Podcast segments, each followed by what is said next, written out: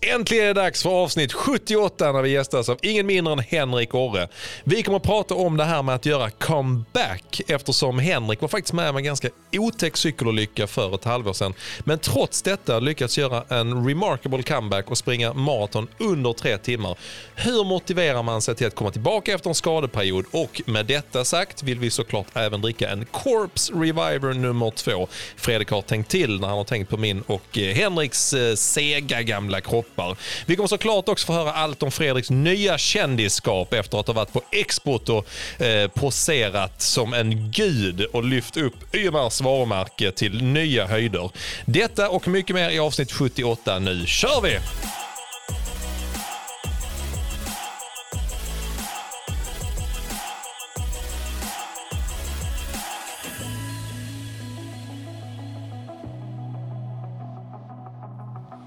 Nu är vi igång med avsnitt 78. Vi har faktiskt redan fått vår gäst på plats. Henrik, välkommen till oss säger vi. Stort tack. Du ska få introducera dig själv här eh, lite senare. För att jag och Fredrik kan ju inte låta bli att prata om oss själva en liten stund först. För det är det vi älskar mest med podden. Speciellt när vi har gäster. Men Fredrik, lite skämt och lite allvar. Innan vi eh, börjar prata med Henrik så är vi ju liksom ändå får vi säga veckans höjdpunkt och kanske en av ditt livs största höjdpunkter.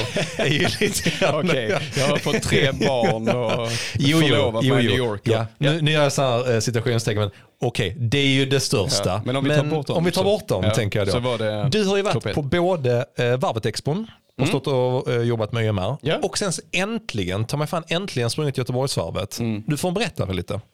Ja, eh, nej, men det var ju så, jag bjöd in mig själv till YMR. Så Det blev tyckte jag var väldigt ödmjukt också. väldigt ödmjukt. Det var, ja, ja, okej, kom du upp och hjälp till då om du vill. Du får inget betalt, men eh, du får gärna stå där och se dum ut. Nej, det fick jag inte som svar. De blev väldigt tacksamma för. Men det du vet ju hur det är att jobba på en mässa eller expo. Oh yes. Det är, eh, även om det kanske inte är supermycket människor hela tiden så blir det aldrig riktigt någon paus. Nej, det, Alltså det, nej, där är alltid någonting man kan göra. Oh, har vi dem i medium? Har vi lagt fram det där? Ja, mm. Borde vi inte hänga damgrejerna på andra sidan? Alltså du Ja, vet, där i mm. tankar hela tiden. Eh, Jag älskar ju försäljning och alltid gjort. Så jag var liten, Mm. litet barn har jag sålt saker. Eh, Och det här var ju liksom drömmen Tänk, någonstans. alltså tänk och, ja, jag, har också varit där ju, Mm. då, men alltså att bara få prata om löpning Ja, hela precis. dagen. Precis. Det är ju en dröm. och sälja saker Ja. som har med löpning att göra. Det är helt eh, otroligt. Och det, vi har ju sagt det tidigare, vi är väldigt glada och stolta över att vi, vi har YMR som sponsorer. Eh, och eh, man kan väl säga att jag är ännu mer stolt nu när jag har stått där och lärt mig lite mer om varumärket. Lärt känna Peter och Birgitte som stod i montern eh, och eh, verkligen hört all respons kring eh, kläderna. Jag, jag måste bryta in. Jag har alltid trott att det har hetat Ymer. Ja Fram men det är, det är en nu. förkortning på Ymer faktiskt. Okej. Ja. Som är, det är väl en nordisk, eh, nordiska mytologin, en gud. Ah, ja, ja. Eh, tror jag. Jag, har sett, jag tror det är någon logga också där han, guden lyfter själva bokstäverna. Det har jag för mig att jag har sett någonstans. Så att jag vet inte hur Coolt. kopplingen är där riktigt. Men eh, det är, Det är du har- Snygga grejer. Track Club. Det är du som ska vara den som lyfter loggan nästa år. Det är det som är införsäljningen nu. De har Musse eller mig att välja på. Det är en megaloman nog. Precis. Sluta nu. Måste få ner Fredrik på jorden. Men, men berätta Fredrik, Ja. alltså, du, du kom dit på fredagen. eh, Ja, på- jag körde på tidigt på, eh, på fredag morgon, var där uppe vid eh, halv tio. Mm. Eh, Expon började tio, så jag var liksom inte med och byggde den. Det Mm. gjorde ju Peter, jag har ju dragit ett jättelass i detta. Han har byggt den snyggaste montern på hela, eh, Ja. hela eh, Expon, helt klart. Så jäkla stilren, liksom gifter sig ihop med hela brandet och allting. Mm. Eh, så att vi var där, det drog igång tio. Mm. Och då hade de, eh, det är ju torsdag till söndag, så de har ju varit där dagen innan också. Mm. Ganska skralt med människor på torsdagen. Mm. Eh, fredagen, mycket mer. Ja. Eh, Det var mycket mer folk, så det var kul. Eh, och det är så sjukt, för första kunden som kommer fram eh, handlar då någon jacka och någon eh, liksom, tröja och så som bara avslutar med Du förresten Fredrik, jävligt bra podd. Jag Alltså, bara så, snacka om att "Fan, det här kan gå bra. Härligt. Jag var första kunden. Ja. Måste, var inte det, alltså lite förändrat, var inte det en jävla boost? Ja, det var, ja, hela, hela den här helgen har varit en sån enorm boost för mig Ja. eh, på alla plan. Och en, jag har känt enorm tacksamhet för alla de här samtalen jag har haft. Det har varit helt otroligt. Folk eh, delar med sig om allt möjligt och berättar hur mycket podden har betytt och Mm. så i deras liv. Och det är liksom, för mig är det bara, det är mindblowing Ja. på många sätt. Eh, Men otroligt fint att, man, eh, att vi kan göra den, Mm. den impacten på människor. Vilket är kul. Skithäftigt. Mm. Ja. Och eh, bara för liksom, eh, så att en fantastiskt bra dag på Export. Mm. Du ställde, jag gav dig ett tips och du, du, ja, du tog det inte tror jag. Jo det gjorde jag. Hade du kompressionsstrumpor? Dubbla hade jag. Mycket Ja. bra, snyggt. Ja, jag, jag bra. hade ju Gemärs bra. eh, Ja. kompressionsstrumpor, men under det hade jag också såna här riktiga, Riktiga, ja. flyg Alltså, ja. Mycket bra Fredrik, ja. mycket bra. Det hjälpte inte. För du, nej, nej, du stod från klockan 10, Till halv tio. Så 11, 11 och en halv timme Ja. ståendes. Ja. Det är ju vad man kallar i löparvärlden den perfekta uppladdningen inför att springa ett Göteborgsvarv. Där det liksom lite grann går upp för på slutet. Ja, det gör det. Mm. Ehm, det gick, eh, kändes som det gick upp för hela vägen. Typ.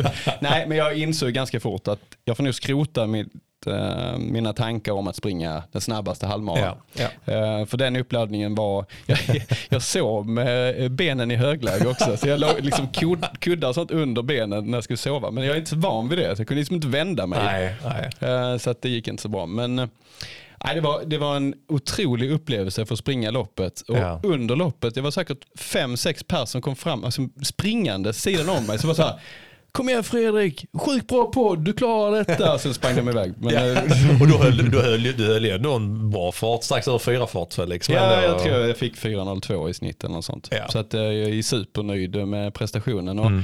Att jag tog beslutet att ta det lite lugnt. Jag visste om att jag kommer inte hålla för, eh, alltså för snabbare än runt fyra fart. Så Ja. att, jag fick njuta både av publik och bana och liksom eh, vackra Göteborg. Och, nej, var, jag är super, super nöjd med helgen i stort. Och så sålde vi ju sjukt mycket kläder också. Det är ju roligt ju. Riktigt kul. Och många som kom fram och liksom frågade vad är detta för varumärke? Vilka snygga grejer.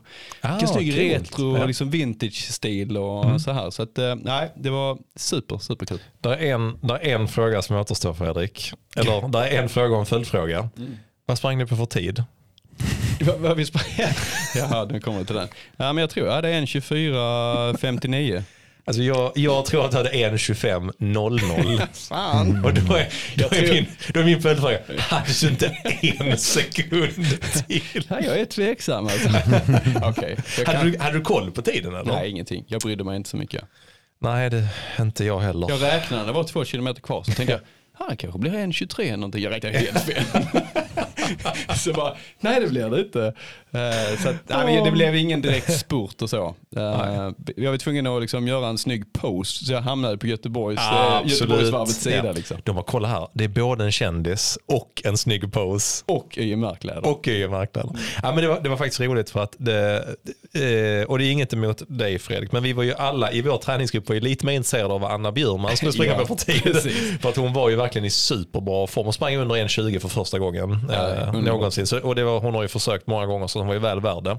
Om vi snackar om stjärnglans. Ja, Anna blev ju eh, Helt klart. liksom, eh, behandlad som elit, vilket hon är, men hon erkänner inte det själv. nej. Eh, Men hon fick ju värma upp in, på eh, innerplan inne på Herregud. eh, liksom, arenan. Ja. Och, fick eh, så här, eh, ja, men de kom fram till henne och frågade vad vill du ha? Vi har detta, du kan få den här drycken eller vill du ha detta? Ska vi ta din Oh. barnvagn? Du vet Vad är det vad nu det heter? Det, vi- vi pratade om det. Ja, Rider. Rider, en sån lista ja. Hon, hade kunde inte lämna fram Hon hade den. inte gjort sin rider så hon fick liksom eh, freebase. då. Mm. Ja, men det är ju häftigt. Alltså, man, man vill ha sådana smoothies till barnet på ridern. Banansmoothie. Tio stycken. Tio, mm.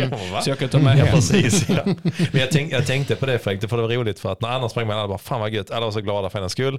Och sen skrev, skrev Micke, Fredrik 1.25.00 och jag bara så här, alltså jag kunde, jag kunde inte låta bli min första, absoluta första insikt bara, ha ha ha, hade han inte en sekund till istället för bara så här. Sen så hade det bara, ah, imponerande efter all tid på Expert. Jag bara, ja det tycker jag också, måste jag också säga. Men, ja. Nej, men jag kan hålla med dig, det är lite slarvigt. Alltså du, tycker- du tycker det är slarvigt eller hur? jag tycker det är lite Ja, slarvigt. det är slarvigt. Men det är okej, du, du var glad. Mm, Men jag är den slarviga av oss Simon. Någon måste ju ta den sant. rollen. Men, men Henrik, du, du, så du har sprungit Göteborgsvarvet Yes, också? det har jag gjort flera gånger. Jag, jag satt ju här och räknade, jag kommer inte ihåg, men jag har ett, en fantastisk upplevelse från 2012 Mm. då jag hade förmånen att starta längst fram Mm. bredvid typ Musse. Jag är inte Mm. säker om han var med då, men eh, det var i alla fall med eliten. Så att man stod alla längst fram Mm. Mm. Coolt. eh, för första gången. Och det var nog första gången som jag hade kvalat in till SM-klass. Mm. Det måste ha varit 2012. Mm. Och det var, det var liksom i början av min eh, elitkarriär och eh, första gången som jag hade kvalat in till ett SM tror jag. Jag tror jag sprang eh, eh, Stockholm Marathon sen senare. Mm. eh, samma år. Men det var det där med att värma upp eh, med Mm. eliten Ja, och. Mm, byta ja. om i elitomklädningsrummet. Ja. Och eh, med liksom tillsammans bredvid kenyanerna. Ja. Och, hur, och så. hur var det liksom att gå från att ah, inte ha gjort det tidigare och dessutom liksom Ja. på Göteborgsvarvet? Nej men det var ju, det var just, eh, Göteborg var ett, väl ett världens största halvmaraton. ja, typ. Eh, Ja. Så att det var ju, nej, det var ju enormt. Och sen när man, när man går mål också så får man ju gå elitvägen ut. På något vis. Ja, eh, ja, jo men så är det, just det. Och så får man gå in i, till en tält och så får man lite sån här eh, en påse med ja, powerbars och sånt. Mm. Ja. Så känner man sig lite VIP. Så Mm. Ja. så det, nej men, eh, nu väcktes det lite fina minnen faktiskt. Mm. Eh, 2012, då sprang jag på 1,11 minns jag. Ja. Jäklar. ja, det, det är bra ju. Svinbra. Mitt minne från Göteborg, så jag tror jag delat med mig av det tidigare, det är att jag också med väldigt så här expotunga ben från torsdagen och fredagen springer ut på hissingen och hör någon skrika Heja smurfen! Så vänder jag om så ser jag en kille i helt bar bröst, helt blåmålad med en vit mössa. Och någon håller på, alltså så som en smurf håller på att springa ikapp mig. Och jag bara, nej nu får det fan räcka. Alltså, och då, då tryckte jag till. Men då kände jag bara mig eh, riktigt eh, dålig faktiskt. Jag måste, men nu eftersom jag eh, kände som jag skröt lite där om 2012 så måste jag Mm. berätta om, det måste varit 2005, så Mm. sprang jag det. Då sprang jag det på 1,45. Oh, det, måste, att- det var innan du liksom hade börjat uh, Nej, 1,58 var det. 1,58, ja så var det. Ha. 1,58. Eh, Jag tillbringade eh, 10 minuter utanför en bajamaja på hissingen eller vad det heter. Eh, det, det var på den tiden. Utanför, det kändes dumt. Ex, ja, det var kö Ja. när man sprang där så långt bak. Ja. Eh, Det var på den tiden jag trodde att man skulle eh, som bajsa på bajamajor eh, på lopp. Eh, Det har man tid till. det trodde jag att man skulle ta sig tid till.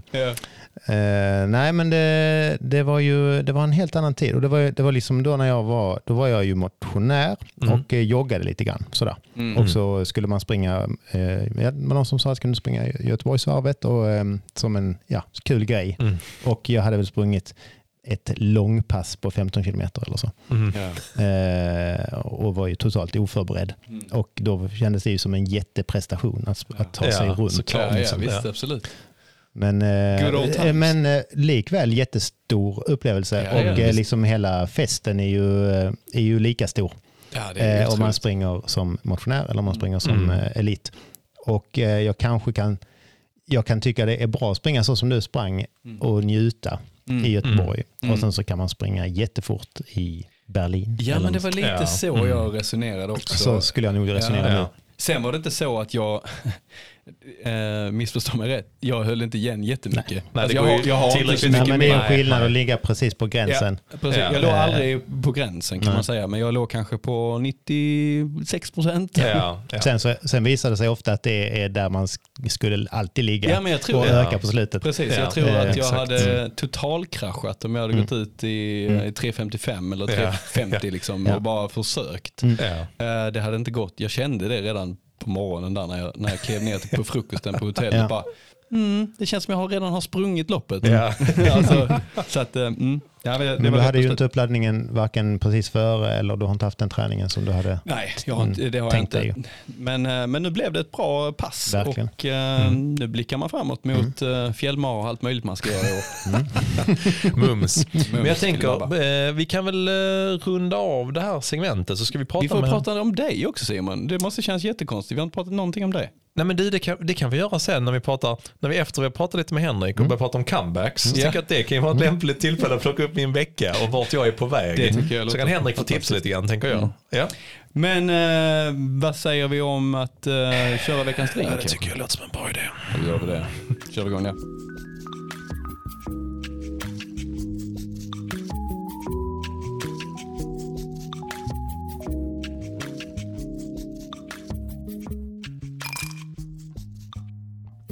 Äntligen är det dags för veckans drink.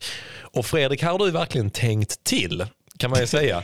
Det känns som en passning till eh, någonting vi ska prata om med Henrik, Ja. men eh, kanske även till min gamla kropp. Detta Ja, alltså det, det fanns ju ingenting som var mer lämpligt än att blanda denna drinken kände jag när ni två Skulle eh, komma. skulle komma. Jag hade två gäster i studion. Fredrik jag säger så här, din tid kommer. Din stressfraktur kommer. Ja, vi får väl se. Jag tror du kommer klara dig livet ut utan jag skada. också. Det tror jag Det tror jag, faktiskt, också. jag springer med, med huvudet. Det, det gör du faktiskt. Eh, Men så här Henrik, innan vi introducerar drinken också var att vi, vi kikade lite grann och tittade när du var här senast. Och det var faktiskt vi som, eh, avsnitt 22, så det är 50 avsnitt sen, herregud. Det var ungefär i mars 2021.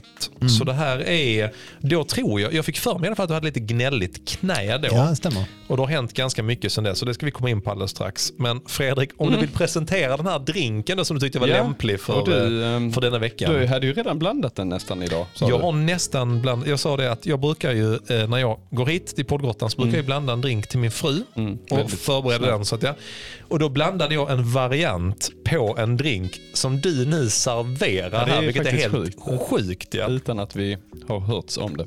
Men det här är alltså Corpse Reviver number two. Ah, Den är fantastisk. Men det, vi har haft den innan va? Alltså i podden också? Yes, det har vi. Ja, det Yes, är inte nummer vi. ett vi hade i podden. Vi börjar med Nej, nummer två. vi har haft det två var nu. ju logiskt. Jag, har, och jag, jag tror att det finns fyra eller fem stycken olika. Alltså nummer ett, nummer två, nummer tre. Och de, de är ganska olika. Det är inte så att det är Nej, små okej. varianter Vi tror får jag. kolla upp dem. Jag har druckit två stycken av de här fem. Ja. Det har varit kul att testa de andra också faktiskt. men det gör vi. Mm. Men det här tycker jag är, den här är grym. Ja, alltså. den är riktigt bra. Och det är det som är i den då. Vi har 2,5 centiliter gin. Och sen har vi 2,5 centiliter trippelsec. Eh, vi har 2,5 centiliter av Lille Blanc. Den är Fantastisk. fin den. Mm. Eh, och sen är där eh, 2,5 centiliter citronjuice. Och man. eh, där är en centiliter sockerlag. Och sen är det två dashes of absint. Det är ju the kicker alltså. Det är kicken. Ja. Det blir lite Ja, det mer dashes i Ja, våra det det. drinkar Simon. För jag kände liksom att det ska verkligen bli en, en revive Ja, idag precis. av era gamla kroppar. Ja, det kan vi behöva, jag. Det kan vi behöva i Henrik. ja. Men jag tänker så här att, att eh, innan vi ska prata, vi ska, du ska få hjälpa mig med min gamla kropp sen och lite motivation. Men den uppenbara frågan är, när du var här senast, du hade ett lite smågnälligt knä, vill jag minnas då. Men det har faktiskt hänt en hel del mer än att du bara hade ett smågnälligt knä. Hur var året 2021 för dig efter du har varit eh, här i podden? Nej men eh, 2021, eh, det, liksom, det gick lite fram och tillbaka med löpningen. Eh, eh, det var diverse lite ålderskrämpor, och, men framförallt så var det ett knä som gav mer och mer problem. Eh, ofta efter löppass så började det svullna upp och t- till slut så fick jag en kollega och eh, eh, skrev en remiss för MR av knät och då visade det sig att jag har en meniskruptur i, eh, i högerknät. Så att när jag överbelastar det så eh, svullnar det upp helt enkelt. Ja. Så jag har ju sprutat eh, ett antal kortisonsprutor på mig själv. faktiskt. Just det, det ska tilläggas här. Henrik var ju här i avsnitt 22. Ja. Utifrån att, eh, för de som, om, vi säger så här, om det finns nytillkomna lyssnare. Henrik Åre heter ju du. Ja, just det. Är en fantastiskt duktig löpare. Eh, har ju, vi har ju en relation till varandra, egentligen alla vi är här tre, utifrån att du bor ju här i, i Lund, krokarna liksom. Eh, och eh, du satte ditt pers för inte så länge sedan på maraton, precis under 2.30, 2.28. Det var det? stämmer. Eh, 227. 227 så var det till och med. 51, Just det, ja, ja, helt rätt. Inte för att vi räknar sekunderna här. Nej, jag vet absolut inte. En minut hit det, eller ja. dit. Mm. Nej, men det måste ha varit 19 tju- Just det. eh, på hösten. Just det, och du, och du är ju även läkare. Och det var ju 19. anledningen till att du var här också förra läkare. gången. Liksom Yes. koppling till det. Ja. För det var det avsnittet som hette Läkare och löpning och eh, att det är många, eller det är förhållandevis många duktiga löpare som råkar vara läkare. Ja. Så det var det det Mm, handlade om. Och, och bara så här, så för där är lite grann kopplingen till att du tog kortisonsprutor på dig Ja. själv. Kan folk bara känna sig trygga? Nej, det var det. läkare. Nej, så ska man inte göra. Eh, Men är man läkare så kanske man får Ja. göra det. Eh, Hur som helst, om knät svullnar upp eh, så Mm. kan man ju då låta en läkare, eh, inte sig själv i första hand, men är det den som är närmst så vad fan. Närmsta läkare helt enkelt. Du lär ju alltid vara närmsta själv känner jag. Man är alltid sig själv närmst. Men hur är det att ta kortisonsprutor Henrik? Alltså, Nej, men Eh, kortison är ju en fantastisk medicin. Det är inte så Mm. många mediciner som gör eh, toknytta, men Mm. kortison är en av dem. De släcker inflammation. Så eh, om man eh, har inflammation någonstans och tillför kortison så lär inflammationen gå tillbaka. Ja. Var, Mm. vilken, så det, det använder vi ju jättemycket i, i, i min, eh, på mitt jobb Ja. eh, i olika sammanhang. Och, eh, om man har en, eh, en åkomma eh, där man eh, vet vad orsaken är och att det inte är någon infektion, Mm. för då får man absolut inte ge kortison, Mm. då kan man ju då, i mitt fall då, suga ut vätskan som, Mm. så- som gör att det är svullet och inte går att böja och så. Mm. Och så kan man spruta in kortison. Ha. Och man använder ju mycket kortison eh, vid löparskador, vid eh, bursiter. Bursit är slemsäcksinflammation. Mm. Ehm, ja, det, det låter jobbigt Men i alla fall. det är ett jobb. Och det kan man få. Det kan, man ju få, det kan man ju få överallt och som löpare så är det ju vanligt med olika bursiter. Men eh, i mitt fall så var det alltså att jag hade krångel med mitt knä, Mm. eh, inte nog med det, utan jag hade faktiskt också eh, problem med en axel som jag har låtit få opererat nu. Hur som Ah, helst så hade jag diverse eh, problem som gjorde att jag inte kunde inte springa ordentligt. Mm. Eh, som, jag som vi pratade om i förra avsnittet så när man inte kan springa så mår man ju dåligt och Ja. man måste hitta något annat. Mm. Och eh, minns du Simon vad min, min go-to när det gäller när, man, när jag inte kan springa? Jag tror jag vet. Cykeln. Exakt. Mm. Så att, eh, jo men jag började cykla. Mm. Jag satt eh, väldigt mycket i mitt, eh, i mitt garage, numera gym. Ja, just det. Eh, och cyklade på min trainer och eh, eh, som alltid när jag är skadad så eh, ringer jag Cykel-Lars, min kompis, Mm. och säger att eh, vi måste cykla och har någon resa på gång? Ah, ja, och det. eh, det hade ju eh, absolut Lars. Mm. Eh, min kompis Lars Åkerman, han, han, eh, han eh, i stort sett eh, lever för cykling och reser så Mm. fort han kan till, eh, till vackra ställen och cykla. Underbart. Så i november, så nu halkar vi fram en bit, men i november så eh, åkte jag till Gran Canaria Mm.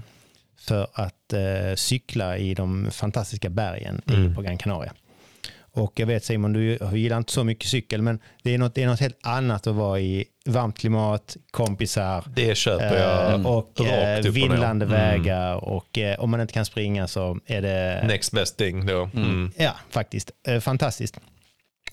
Eh, det som hände eh, kan jag faktiskt inte riktigt berätta för att eh, Mm. jag har en minneslucka. Mm. Men ehm, jag vaknade, så här kan man säga, eh, så här mycket vet jag, eh, att eh, jag kommer fram till mina kompisar och berättar att eh, jag har gått omkull Mm. och jag har frakturerat ett revben säger jag Mm. eh, har de berättat. Och eh, jag, måste vi, jag måste hem och vila, Mm. kör på ni. Och eh, så jag, jag, eh, jag, får, jag, jag stannar hemma och eh, känner av lite grann hur det har gått. Mm. Så har jag fått det berättat för mig. Och sen eh, senare på eftermiddagen när de har varit ute åtta mil eller sådär så Mm.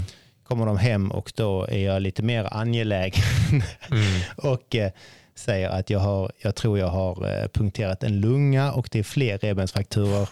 Eh, ring en taxi. Varefter Mm. Lars säger, ska du ha en ambulans? Och jag säger, fan heller, jag har väntat här i fem timmar. Ring en taxi.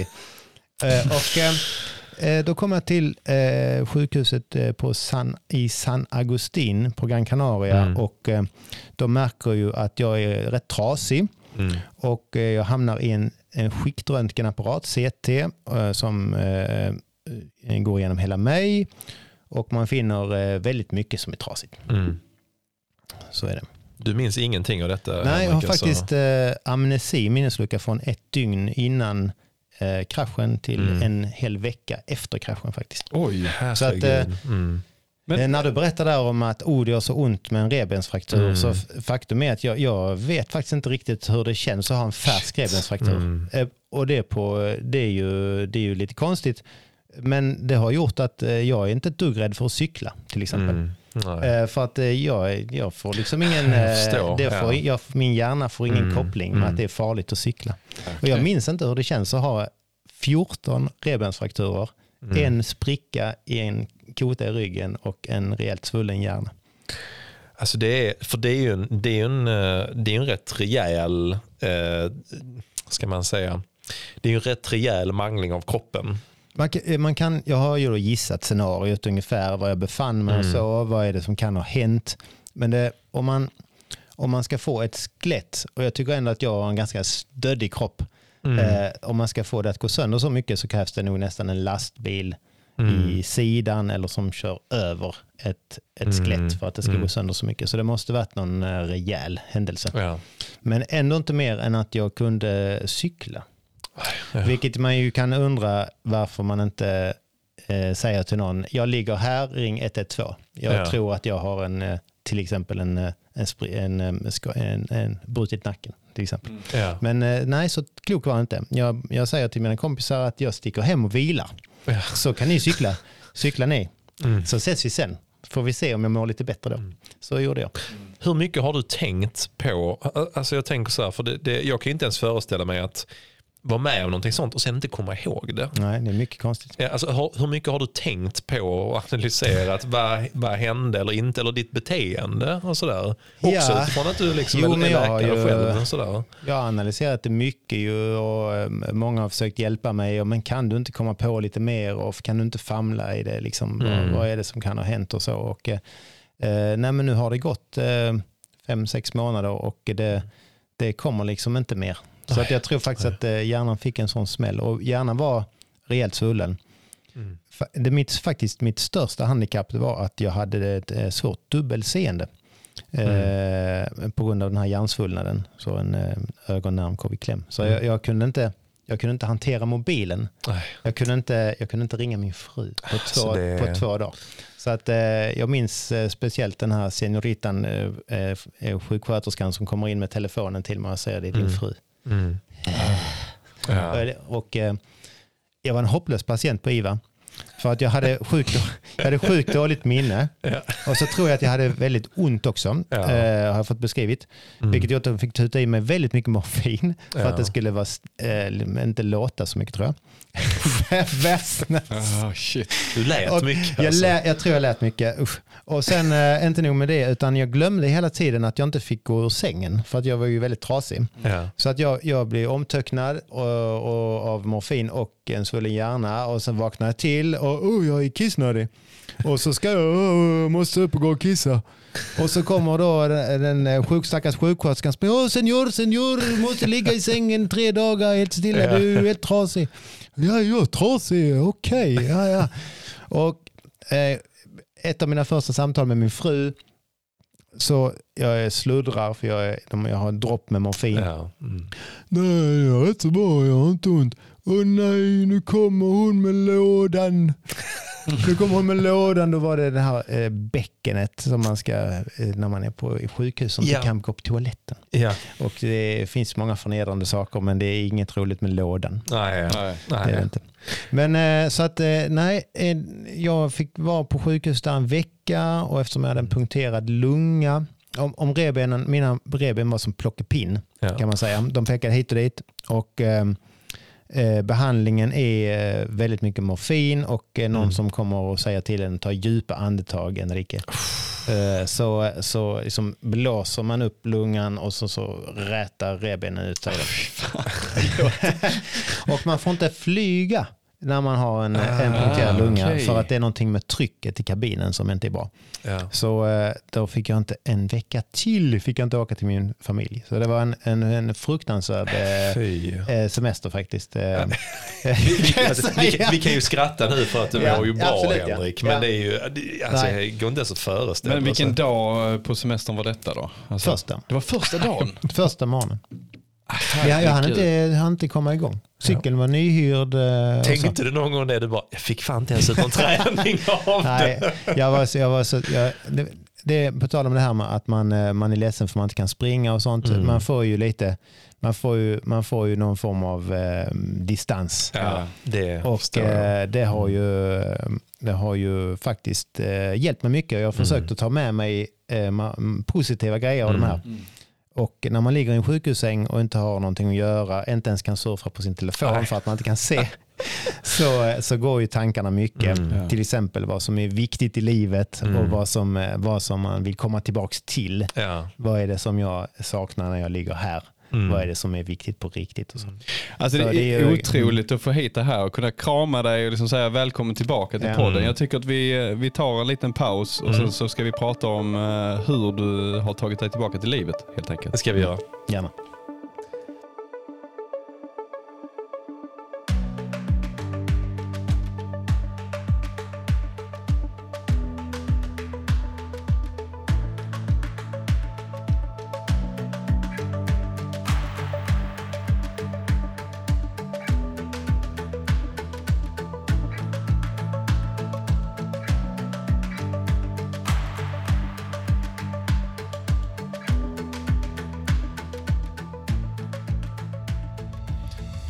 Ja, du Henrik, vi, vi satt lite i mellansnacket och diskuterar här nu. Ska vi prata nu om löpningen eller livet? För det finns olika perspektiv i detta.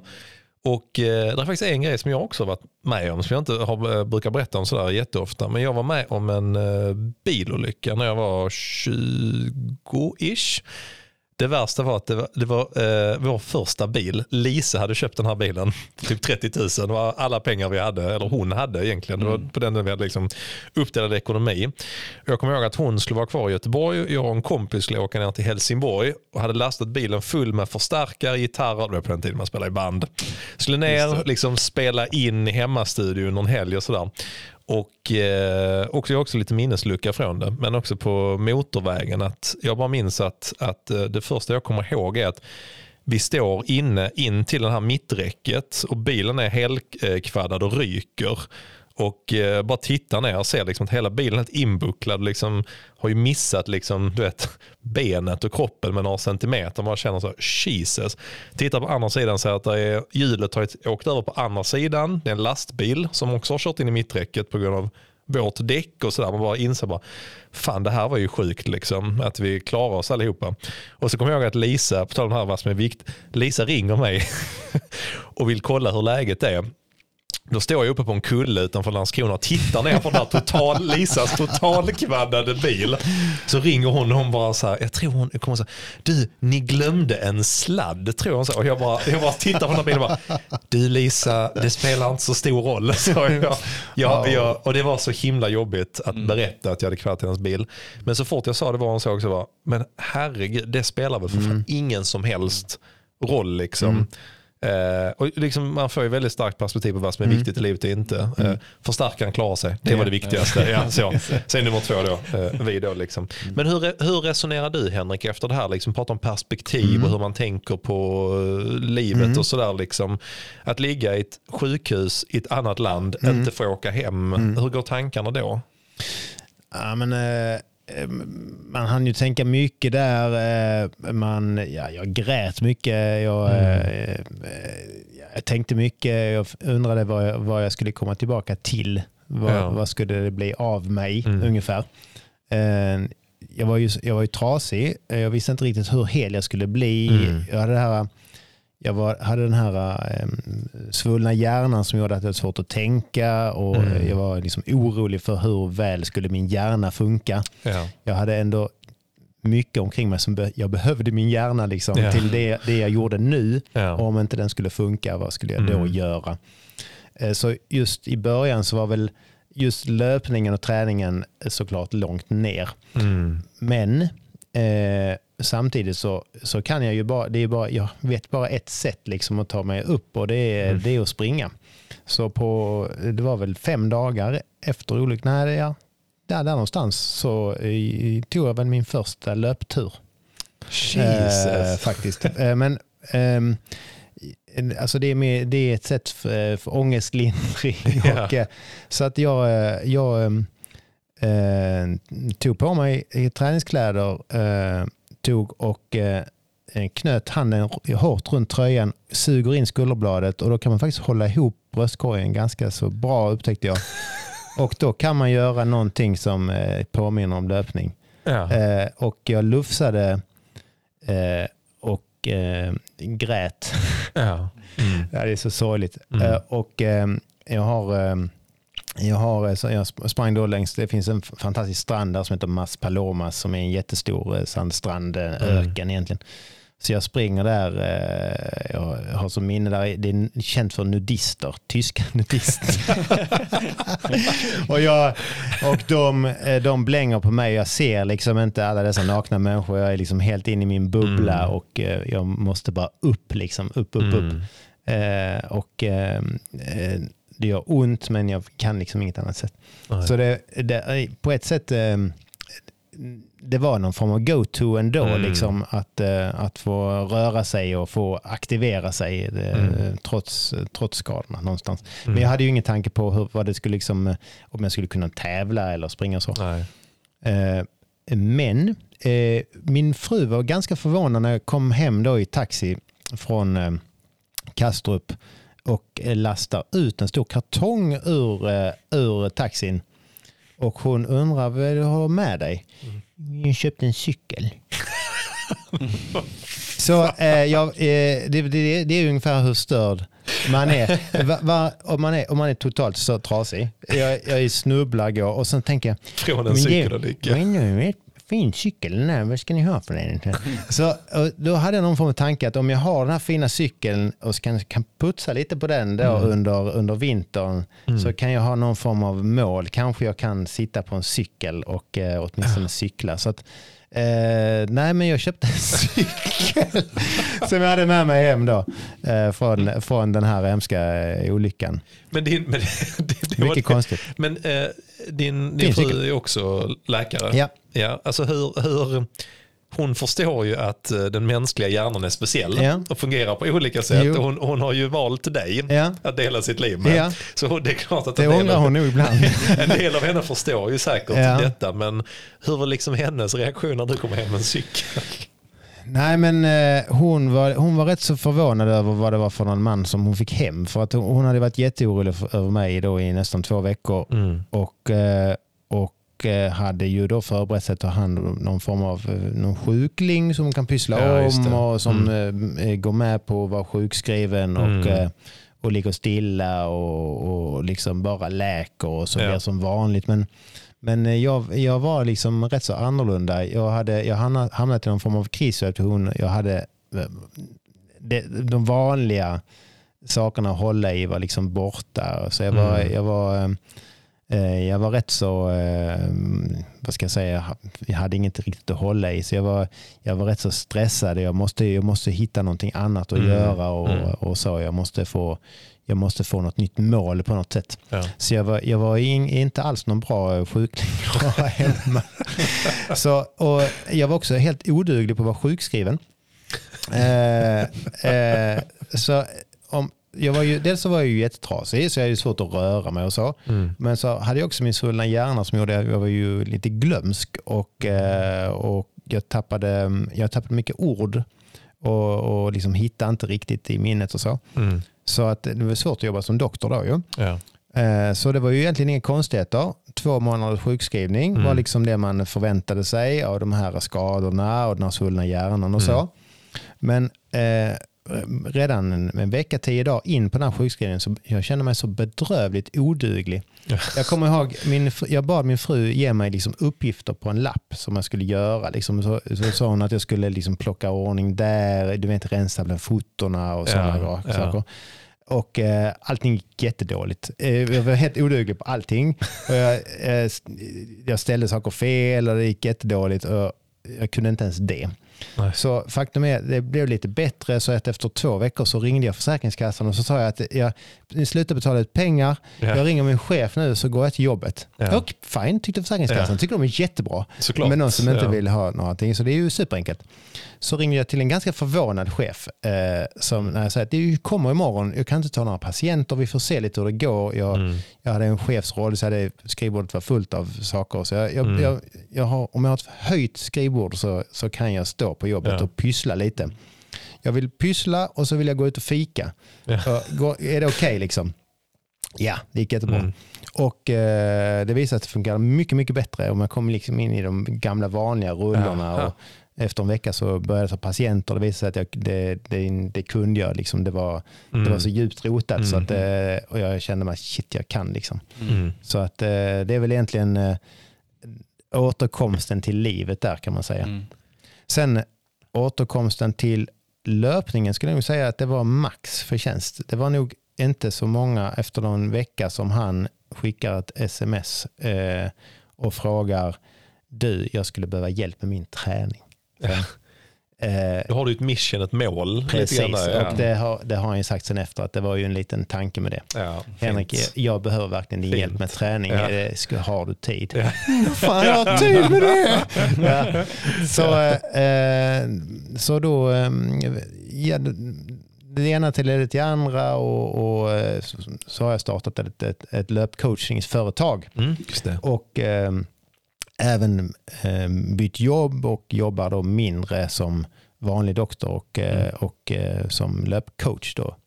Ja, istället så väldigt mycket, jag gjorde mycket förändringar. Saker som liksom inte jag tyckte var Mm. helt klockrena, de såg jag till. Liksom, och livet är för kort liksom, för, Mm, för att wastea på någonting som inte är bra. Om man kan ändra det, helt rätt. så ändra det nu. Mm. För att vips så ligger man där. Ja, Liksom. ja. Så det, det, är, det är mitt bästa tips till alla, att se över, är, har ni det som ni vill nu, Mm. så, så, eh, och är det inte så, så försök få det så eller åtminstone ta steg i, i den riktningen. För Ja. livet kan vara kort. Mm. Det, är, det tycker jag är en väldigt bra budskap. Och det, det har ju du och jag pratat en del om Fredrik, i, både vad det gäller jobb och träning Mm. och allt annat. Att det är det enda som kan förändra de sakerna är faktiskt en själv Mm. och vad man Mm. väljer att göra. Hur har det varit för dig Henrik nu? Liksom att, var det ganska, hur, du är ju en väldigt motiverad person, bara som du nämner här att, liksom att din fru får skriva listor åt dig, gör de här sakerna. Det känns som att du behöver en mission. Liksom. Jo. Hur tänkte du kring din egen liksom, löpning och träning och att komma tillbaka? Mm, ja, men från början så var ju mitt mission att eh, kunna eh, umgås med mina löparkompisar. Det vill Mm. säga vara med på distanspassen. Ja. Så att, eh, mitt första mål var att jag måste kunna komma upp i sån form så att jag kan hålla distansfart i åtminstone 10 kilometer. För Ja. då, kan jag, då kan jag hänga med mina kompisar. Eh, Spännande M- mål. Det jag liksom, det för, för jag tror både jag och Fredrik började ju direkt tänka så, tider. Eller, så att här, Det var ju en, ett spännande sätt att se på det också. ju. Jo, så att eh, eh, på mitt, eh, på, jag byggde ett gym hemma Mm. och så eh, skaffade jag ett riktigt fräsigt löpband som man kan ställa i lutning såklart. Ja. Och eh, jag sprang ju då i, i ja, 10 uppförsbacke och eh, i ja, 8-10 km timmen. För att om man lufsar sakta så stöter det inte så mycket på kroppen. Så att, eh, och dessutom hade jag mitt dubbelseende så jag var väldigt vinglig. Så jag kunde inte, jag kunde inte, Jesus. springa, jag kunde inte springa på trottoarkanter och sånt. Men Nej. jag kunde springa på mitt löpband i uppförbacke. Mm. Så att när jag sprang där eh, så tänkte jag hela tiden att jag måste åtminstone komma i den form så att jag kan Mm. eh, hänga med mina kompisar. Så Ja. det var väl egentligen det som var huvudsyftet med träningen i Mm. början. Då. Och eh, ja, den re- rehab jag gjorde så var ju i, med det målet. Liksom. Ja. Att jag, Mm. jag vill kunna hänga med på ett, Mm. eh, ett löppass. Då. Tycker det är ett sjukt bra mål. Jag tänker så här Fredrik, att vi har ju, eh, nu har vi fått höra mer om liksom eh, Henriks tankar kring eh, livet vid comeback. det blir ju liksom en, vi ska ta en kort break och sen så blir det ju en ganska naturlig övergång här till att eh, Henrik kan ge lite tips här nu till hur man kan tänka kring att göra en bra comeback in i ett eh, riktigt löparliv igen. Och kanske få ge mig och lyssnarna på några frågor lite tips här nu hur vi ser till att komma förbi den här fasen av trasiga kroppar och, och bättre perspektiv. Det låter Ja. fantastiskt. Vi är strax tillbaka.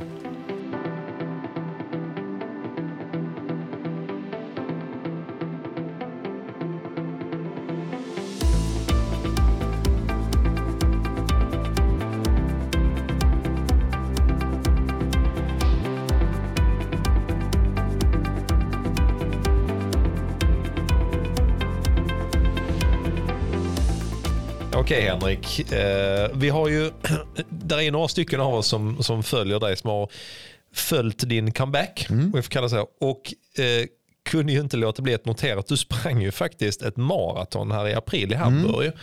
Och för oss dödliga, du sprang den här under tre timmar, men som du själv beskrev, en lite tuffare första halva och sen lite grann ha det gött. Ja. ja, jag hade inte det gött, hade jag inte, men jag tog mig i mål i alla fall. Ja, ja, jo, jo, det gjorde jag. Ja. Men, men hur, hur var alltså att springa, att vara med om den kraschen liksom Mm. i slutet på året, på, i november och sen springa ett maraton i april. Hur gick dina tankar kring återgången? Vi, vi Mm. fick en fråga bland annat här från Jenny som skrivit Hur motiverar man sig när tempot är lägre? Du svarar ju på halva frågan här att du hade som Mm. Ja, första mål att sätta fråga. upp eh, att du ville springa med polarna igen. Mm. Men när började dina tankar liksom komma tillbaka in i tävlingssfären och det här? När min kropp var så pass eh, frisk att jag kunde börja köra, eh, alltså titta på tempot och köra intervaller och liksom börja bry mig om tempot. Så, eh, eh, då vid det laget så hade min, min eh, allmänform fallit så pass. Så att, eh, eh, faktum är att när jag då sprang i 3 och eh, 30 tempo så kändes det ju som 3.05. Så Ja. att eh, det känns egentligen, känslan är i princip, i princip likadan. Så att om jag sprang med mina kompisar så var egentligen enda skillnaden möjligen att eh, träden fläktar förbi lite långsammare. Men eh, faktiskt inte ens det. Det kändes som att jag sprang i 3.05 Ja. men jag tittar på klockan och visar 3.30. Jag tänkte det är inte sant det här. Det känns ju, det känns ju precis som ett tre minuters tempo. Ja. Så ehm, Ansträngningen var lika liksom, tuff, Ansträngningen är det var likadan, som känslan är annorlunda. samma. Mm. Jag har någon kompis bredvid mig som ser eh, lika, det, det råkar vara en annan kompis som brukar Ja. vara lite längre bak. Precis. Men, eh, men eh, egentligen så är känslan densamma. Mm. Och jag sprang ett eh, 10 km lopp i Ystad eh, nu för någon månad sedan, eh, eller på Mm. månad sedan och eh, sprang på 36 någonting. Mm. Och eh, alltså den ansträngningsgraden jag hade då på 36 det var som 33. An- Alltså det kändes Mm. likadant. Mm. Så att egentligen så eh, om man bara blundar för, eller justerar lite sin syn på vad siffrorna visar på klockan så, Ja. så är det egentligen samma. Ja. Jag Fan, säga. Det är rätt intressant. Jag vet inte, eh, du har inte varit i några skadeträsk på Nej. länge Inte Fredrik. nere på 33 heller. Men- har jag inte heller varit. Men jag tror, jag tror detta är samma tänk. Eh, Egentligen det är för oss då eh, som är riktiga veteraner som inte Mm. ni är än. Mm. Alltså jag tror det är samma tänk. När man var en alla riktig veteraner. veteran, är det 45 eller? Nej, ja, jo, ja, jag vet inte. Men, men i alla fall när man, när man märker att man får riktiga ålderstecken som gör Ja, att man faktiskt blir långsammare. Mm. Man tränar lika hårt och anstränger sig lika, lika hängiven. Vi har ju många Ja, kompisar just som är Ja. jätteduktiga veteranlöpare. Mm. Och enda skillnaden är ju att tiden, alltså det, det visar en annan siffra. Ja. Men allt annat är sig likt. Ja. Mm. Och om man bara jämför sig med eh, rätt eh, grupp då, det vill säga Ja. bestämmer sig för ett mål, det vill säga bli topp 10 i sin Ja, åldersklass. Ja. Eller sub 45, låt Ja, säga. Gud förbjude. Eh, nej men eh, så, så är det ju samma. Känslan är samma. Ja. Det har jag, faktiskt, jag har tänkt en hel del på det. Vi hörde en, um, en um, föredrag med Kjell-Erik Ståhl. För, ja, det var, nu var det ganska många år sedan. Även här, tiden går fort. jag tror det kan ha varit 2013. Och sånt. Han, var på, um, han var på Idrottsmuseet här i Helsingborg. Jag kommer ihåg att jag och Andreas precis liksom skulle starta upp Helsingborg Marathon. Och fick träffa en maratonlegend. Och jag minns det som att han var ju ganska duktig. Han var ju ganska aktiv i början av sin veterankarriär. Har ju ett, eller hade, Okej. jag såg också att Fredrik Urbom tog faktiskt hans rekord på 10 000 meter. Oj, oj, var med. oj. Ja, Mm. fantastiskt. Han sprang under 31 minuter, vilket var. Mm. otroligt. Men då kommer jag ihåg att Kjell-Erik Ståhl beskrev det så att han sa att det gick bra, det gick ganska lätt att träna upp till han var runt 40. Mm. Kunde han träna ungefär, ja, så, whatever liksom. Mm. Mellan 40 och 50, då fick han jobba hårdare än alla andra Mm. för att hålla kvar tiderna. Och efter 50, då började liksom sakta men säkert tiderna gå, gå Mm, neråt på något sätt. Alltså lite liksom, grovt så. Du vet som du sa, vi har ju väldigt många duktiga veteraner Mm. i vår omgivning alltså, som kanske är 50, 55, 60. Mm. Men jag, liksom, eh, jag vill tro att, eh, som du sa, du beskrev ju Mm. skämtsamt här innan att jag och Fredrik är inte riktiga veteraner än. Men vi, jag tror för vi har nog inte kommit till den punkten än där vi Nej. känner att vi mest, vi, vi tror fortfarande att vi har våra snabbaste tider framför Mm. oss. Hur tänker du kring det Henrik? Alltså med tanke på din maratonutveckling, alltså nu, hur, hur resonerar du kring det nu? Eh, jo, men det var ju någonting som jag våndades över väldigt mycket innan kraschen eh, Mm. och förhålla mig till eh, liksom, eh, dekadansen, Ja. kroppens dekadans och eh, att man liksom Ja, att de olika organsystemen helt enkelt blir sämre och sämre. Mm. Eh, Pul maxpulsen eh, sjunker successivt. Mm. Eh, musklerna, alltså man, får, man har mindre testosteronproduktion som Mm. man, eh, man får mindre muskelmassa, eh, man går lättare sönder, man får artros i leder, är det ena och det andra. Du- Dessutom som läkare som du sa innan. Så, så Jag jag, jag, så jag fick en, eh, jag hade ju, det, det, det var inget kul, jag älskade löpning, älskar löpning, hur skulle Mm. jag förhålla mig till detta? Men nu efter kraschen så är det ju betydligt lättare. Nu har jag upptäckt att man, det känns likadant att springa milen på 36 som på 33 Ja. och det kommer att Mm. kännas likadant att springa på 40 och 45 sen om man bara Mm. har liksom rätt förhållningssätt.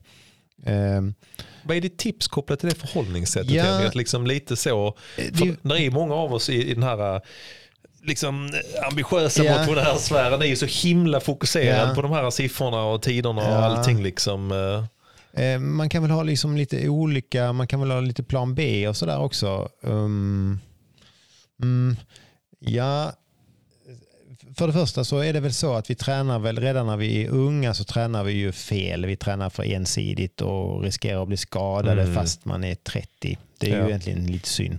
Ja. För att sen när man är 46 som jag är så måste man ju verkligen eh, ta hand om sin kropp om man ska kunna Ja. träna hårt och bli Mm. duktig. Man måste liksom göra sin styrketräning och, Mm. och göra sin alternativa träning och sånt. Mm. Eh, Så, så det, är ju, det är ju nog viktigt att, att försöka inse det rätt så tidigt eh, Mm. innan liksom hela skadeharringen börjar.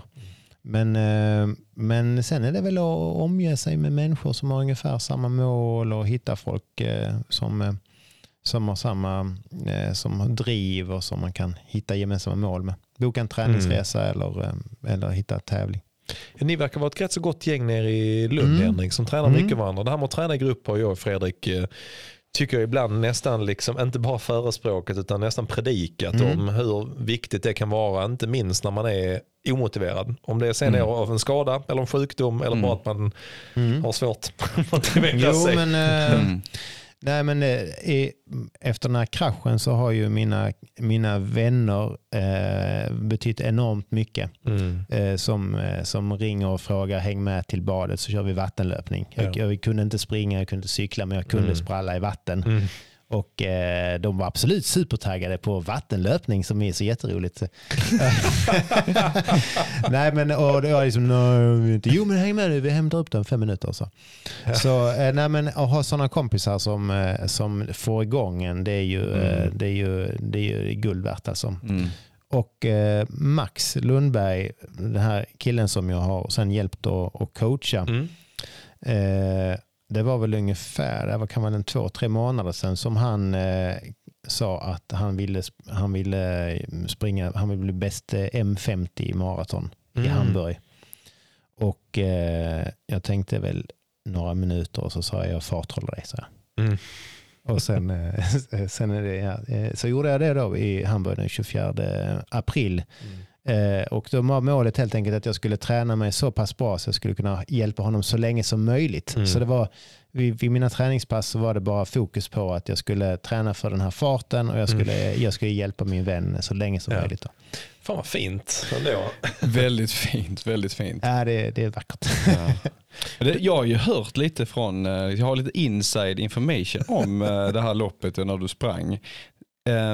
Spontant när jag hör eh, lite saker från loppet när du sprang, det var ju att du var jävligt taggad på att springa. Jo, Var det så?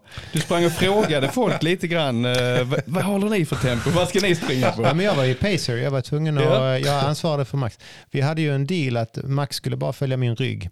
Och Mm. mitt uppdrag var att få korrekt tempo. Mm. Mm. Om jag skulle kunna hålla så länge som möjligt så var jag tvungen att ha rätt tempo. Ja. Så att eh, nej, jag frågar oblygt eh, eh, olika. Absolut. I det tempot du pratar där, liksom, är Mm. folk sugna på det? Eller? Ja, i början på maraton så det är de flesta är ju om man inte är startat helt fel ställe så är de rätt så Ja. Pigga. känner man rätt så pigga. Ja. En del kan ju grymta lite men då slutar jag prata. Eh, Underbart. Henrik, jag tänker så här, eh, och också väldigt eh, oblyg när vi ändå har en eh, läkare Ska jag lägga upp din fot på Jag ska bordet? lägga upp min fot på bordet. Nej men eh, du, du, ska, du ska inte, du, jag vill inte ha någon faktura så att du ska inte behöva undersöka mig. Nej jag bara. Men, men så här, jag har ju lite strul med, foten. Jag, jag, jag, har haft, eller jag har haft en massa Men, lite olika. Simon. Mm. Lite strul. Ja, jag, har haft en, jag har haft jättemycket strul det, alltså, det första du ska börja göra är erkänna dina skador ordentligt. Ja, jag har haft jättemycket blandade skador två och ett halvt år. Och jag kan lite grann, jag, med viss stundtals lite bitterhet ska ändå erkännas. Jag och Lisa pratade faktiskt om det här häromdagen med, eh, för jag hade ju också en, en egen cykelolycka, mm. liksom bröt armbågen. Det var lite grann startskottet på mina två och ett mm. halvt år av strul. Mm. Jag kan fortfarande, det är så sjukt för när jag tänker på det så Lisa bara, jag minns det här efter, jag minns operationen, mm. jag minns att jag bara, jag bara sa till henne, helt ärligt, bara, vet vad jag minns? Men nej, jag minns det sista kvalitetspasset jag körde innan jag skadade mig. att jag kände att oh, jag hade haft tre veckor med mycket jobb, jag hade liksom inte fått till det. Jag minns, alltså det är sjukt, jag minns än idag, jag minns det var 8 kilometer progressiv tempo, jag snittade 3.47 och jag stannade precis utanför Olympiaskolan. Det var en dag innan och då hade jag, ja, typ två, två mil den veckan hade jag, det var typ torsdagen. Mm så sjuk är man ju för att man mm. har den inställningen. Mm. mm. Men jag, jag har börjat lägga om vissa saker nu. Mm. Så, I hela livsstilen. För jag lite grann också, som du var inne på nu, mm. att jag har ingen, 36 är ingen ålder, men man börjar komma upp, att man börjar fundera så fan jag måste nu kanske börja lägga om vissa saker för att man närmar sig ändå att kroppen liksom inte är 20 längre som man har fått höra i 16 år. Eh, men så, nu har jag lite strul med min fot hade först en tanke om att ah, det, kanske, det är kanske någon liten överbelastning eller någonting. Men nu känns det att jag har nästan ont varje dag när jag belastar eller går bara. Sådär. Så jag är mm. lite orolig att det kanske skulle kunna vara en liten spricka eller någonting. Mm. Så, begynnande, någonting sånt. Du, du är orolig för det nu, efter två år? Eh, nej, ja, Eller har, du, har du varit det, lite det här bara, Det här är bara, den här, den, denna skadan är bara två och en halv vecka gammal. Alltså, två och en halv vecka, ja, okay. alltså, jag, för att jag har för mig, du hade ja. en stressfraktur när vi såg sist. Ja det hade jag, ja. Då, då sprang jag sönder foten på krutbanan. Ja, det var en annan, ja. det är en annan skada. Ja, det var, så den är, den, okay, det, är det, lugnt, det är det lugnt tänkte, för mig. Nu så har jag börjat fundera, kanske det är en spricka i foten. Ja, den, var, den, är, den är klar. Ja. Ja, jag har haft okay, massa gott och blandat. Men, men, så, du måste bara veta, liksom, vi har infört en ny programpunkt. för att Simon har ju nya känningar varje vecka. Så vi har ju veckans kännis. Just det. Eh, så det lämnar jag med. Var känns det nu någonstans? Så, det. så det här är färska grejer. Allt han kommer med är färska ah, grejer. Så det är väldigt färskt. Mm. All right, två och en halv vecka ja, så först ja, hade jag, Första dagarna tänkte jag så här, oh, ja, men jag vilade lite grann och det är klokt. Mm. Och sen så fick jag ändå sånt, oh, jag kör ändå ett kvalitetspass. Och så när jag kom på slutet på det så, så liksom tryckte det till lite grann i foten och sen kände jag bara, det var jättedumt gjort mm. detta. Så nu har jag kört lite blandat alternativt, har insett mm. att det faktiskt funkar helt okej okay att köra trappträning. Mm. Men eh, om, eh, om ponera att det mm. skulle vara en liten, inte, inte fullblodad stressfraktur, men lite mm. spricka eller någonting sådär. Jag har ju börjat, det kan det väl vara? Det kan det vara. Jag har ju, jag det, har ju gått det låter det ju som. Ja, för jag gick in på kan... 1177 och kollade. Mm. Tänkte jag så ja okej, men där, och jag, det här är jag älskar ju svensk sjukvård. Mm. Så jag fattar så här att en medelålders man som tränar för mycket och skadar foten. Jag kanske inte är överst på listan av de som behöver hjälp. För där är det så, kan mm. du inte mm. stödja dig på foten ska du söka hjälp. Jag bara, det kan jag absolut göra. Mm. Men liksom, hur ska jag förhålla mig till, om man, hur ska jag förhålla mig till, ska jag, kan jag ändå liksom träna lite eller ska man helt undvika löpning eller ska man i ett sånt mm. läge? Jag tror jag gör så här att jag, nej men det är bra det här. Jag, jag, tror jag gör så här att jag, jag, jag tänker mig att du kommer till mig som patient. Ja okej, okay, ja absolut, ja. ja. det gör jag. Mm, mm. Så då eh, skulle jag vilja veta, du berättar lite mer om de här smärtorna. Mm. Ja, men jag har, när jag, när jag liksom, ja, fan vad det är spännande, det är som en live, liksom en liveundersökning här nu. Ja. Nej, men om, eh, ni vet om man, när man sätter ner foten, mm. så på själva trampdynan liksom där, där gör det ju ont. Och sen när jag skjuter du, ifrån. Vad menar du på främre framtiden? Främre, ja mm. precis, längst fram. Mm. Och det, det som, uh, först tänkte jag bara, det är säkert en överbelastning. Man har mm. ju haft en jävla massa blandade överbelastningar i mm. kroppen. så. Men det som jag blev lite oroad över då, i, i ja, men det var kanske tio dagar sedan någonting. Så fort jag böjde min ena tå mm. så gjorde det jävligt ont. Och då insåg jag bara, men det känns ju inte riktigt bra. När du lyfte tån liksom? Ja, när jag, det är faktiskt när jag böjde ner ja, den. Neråt, den här, okay. inte inte lille Vicky Vira, man har ju alla de här, man har barn så kallar man för mm. Inte stortå med den bredvid helt enkelt, mm. vad den nu kallas för, pektån. Mm. mm. Så gör det sjukt eh, ont. Mm. Och sen så den andra saken jag blev lite oroad över, så det jag känner, mm, det här kanske är mer en överbelastning, var att jag vilade faktiskt två dagar och jag känner liksom ingen direkt skillnad. Mm. Så nu har jag kört lite alternativ, jag har mm. kört precis, jag kan, eh, alltså, det här är också ett ledtråd Henrik här nu. Mm. Jag, eh, på morgonen som igår, tänkte mm. jag, jag går ut och så powerwalkar jag. Sjukt ont. När jag går då, liksom, jag bara, äh, men vad fan, liksom så. Sen mm. så, så fort jag börjar bli lite varm i kroppen, då släpper det. Och det blir liksom, ja, men då kanske det inte är någon spricka. Om det liksom släpper när jag börjar bli varm så kanske det blir det. Men det gör mig också lite förundrad över vad fan ska jag då träna? Liksom. För när jag väl börjar bli lite varm i kroppen för gång då kan jag till exempel köra lite trappträning och så. Jag kan liksom inte springa på asfalt men jag kan liksom, ja, lite så kombinerat. Nej, men jag tycker nog att du tills vidare får se det här som en stressfaktor Simon. Mm. För att det du beskriver eh, låter ju onekligen som det skulle kunna vara en stressfaktor. Ja. Eh, eh, sitter det på insidan av främre trampdynan eller Mm. på mitten eller på utsidan? Eh, är det mot stortån till eller mot Eh. lilltån till? Nej, mot stortån och så liksom Mm. lite hyggligt långt fram Mm. på trampdynan om du trycker det. Mm. Så där sitter ett mellanfotsben. Mm. Eh, man har fem mellanfotsben, en till, mot varje tå. Mm. Och de heter metatarsalben. Och metatarsalbens stressfraktur Mm. Är, kallas också för marschfraktur. Just det, ja. Uh, Ja. har jag sett. Och eh, det, är ju, det kan ju vem som helst få. En soldat kan få det i marsch, men någon som Mm. springer l- mer än vi människor är gjorda för att göra. Nej, men eh, det är ju inte, inget konstigt. Nej. Och det är ju heller inte någon dödsdom på något Nej, sätt. just ju. det. Ja, Men precis, ja. om det, eh, benet ska läka så fort och effektivt som möjligt så ska det avlastas. ja. Mm. Så då eh, varje gång som du vilar lite så börjar läkningen komma Mm. igång Mm. och sen så när du går på trappmaskinen så går det sönder igen. ja. Det vill Och- vi ju inte. Så det är ju nog lika bra att se det som en stressfaktor tills att man vet att det Att inte vet. är en Ja, stressfaktor. Ja, ja. Eh, För annars så lär det, kan, det skulle kunna bli långdraget och ja, till, nej, så. Men jag Mm. menar stressfaktor är ju ingen, det är ju ingen, det är ju en, det är ingen lång vila som regel. Det är bara Och, några eh, veckor om man har lite flax. eh, Ja, eh, eh, så i mitt perspektiv så, är det Mm. liksom, eh, så tycker jag sex veckor är ju, en, det är ju, det är ju lättköpt liksom, Ja, om man ska få absolut, tillbaka ja. full on löpning. Då. Absolut. Men det är också, för, här, tycker jag, för jag har lite grann, de senaste dagarna har jag lite grann förlikat Mm. mig. För jag vet efter förra Mm. podden när vi hade Emil och Andreas här, Mm. så stod vi på trottoaren så sa jag så här, men jag är nog igång och joggar om två, tre dagar så hänger jag på Mm. er. Sen när det gått två, tre dagar insåg jag ganska snabbt att det här finns en väldigt stark risk att bli långdraget. det, Ehm, det är inte säkert. Det, men det finns också plantarfascian där som är själva trampdynan. Det är liksom massa senor som eh, bildar en, en dyna under, alltså, alltså innerst mot benen. Och där kan man ju få den klassiska hälsporren. oh, oh, Eh, och, oh, ryser man när man men det. ju, kan ju få spänningar. Jag har, jag har haft hälsporre och plantarfasciiter. Det är många som Mm. lyssnar på detta som har haft problem med ont i fötterna. Ja. Eh, Så att det kan ju också kännas så som du beskriver när man har Mm. ont i eh, plantarfascian. Men faktum är att det kan nog vara väl så långdraget med en plantarfasciit Mm. som en, en liten stressfraktur. Ja.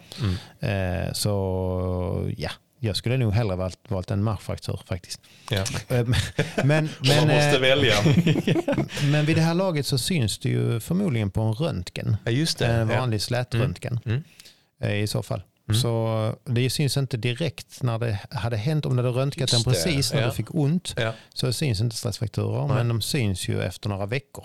Just Så det, är liksom, det, är- det har att göra med benläkningsprocesser som gör att det syns på en vanlig röntgen. Ehm, och ja, Sen så är det många som tänker att okay, man måste göra en MR.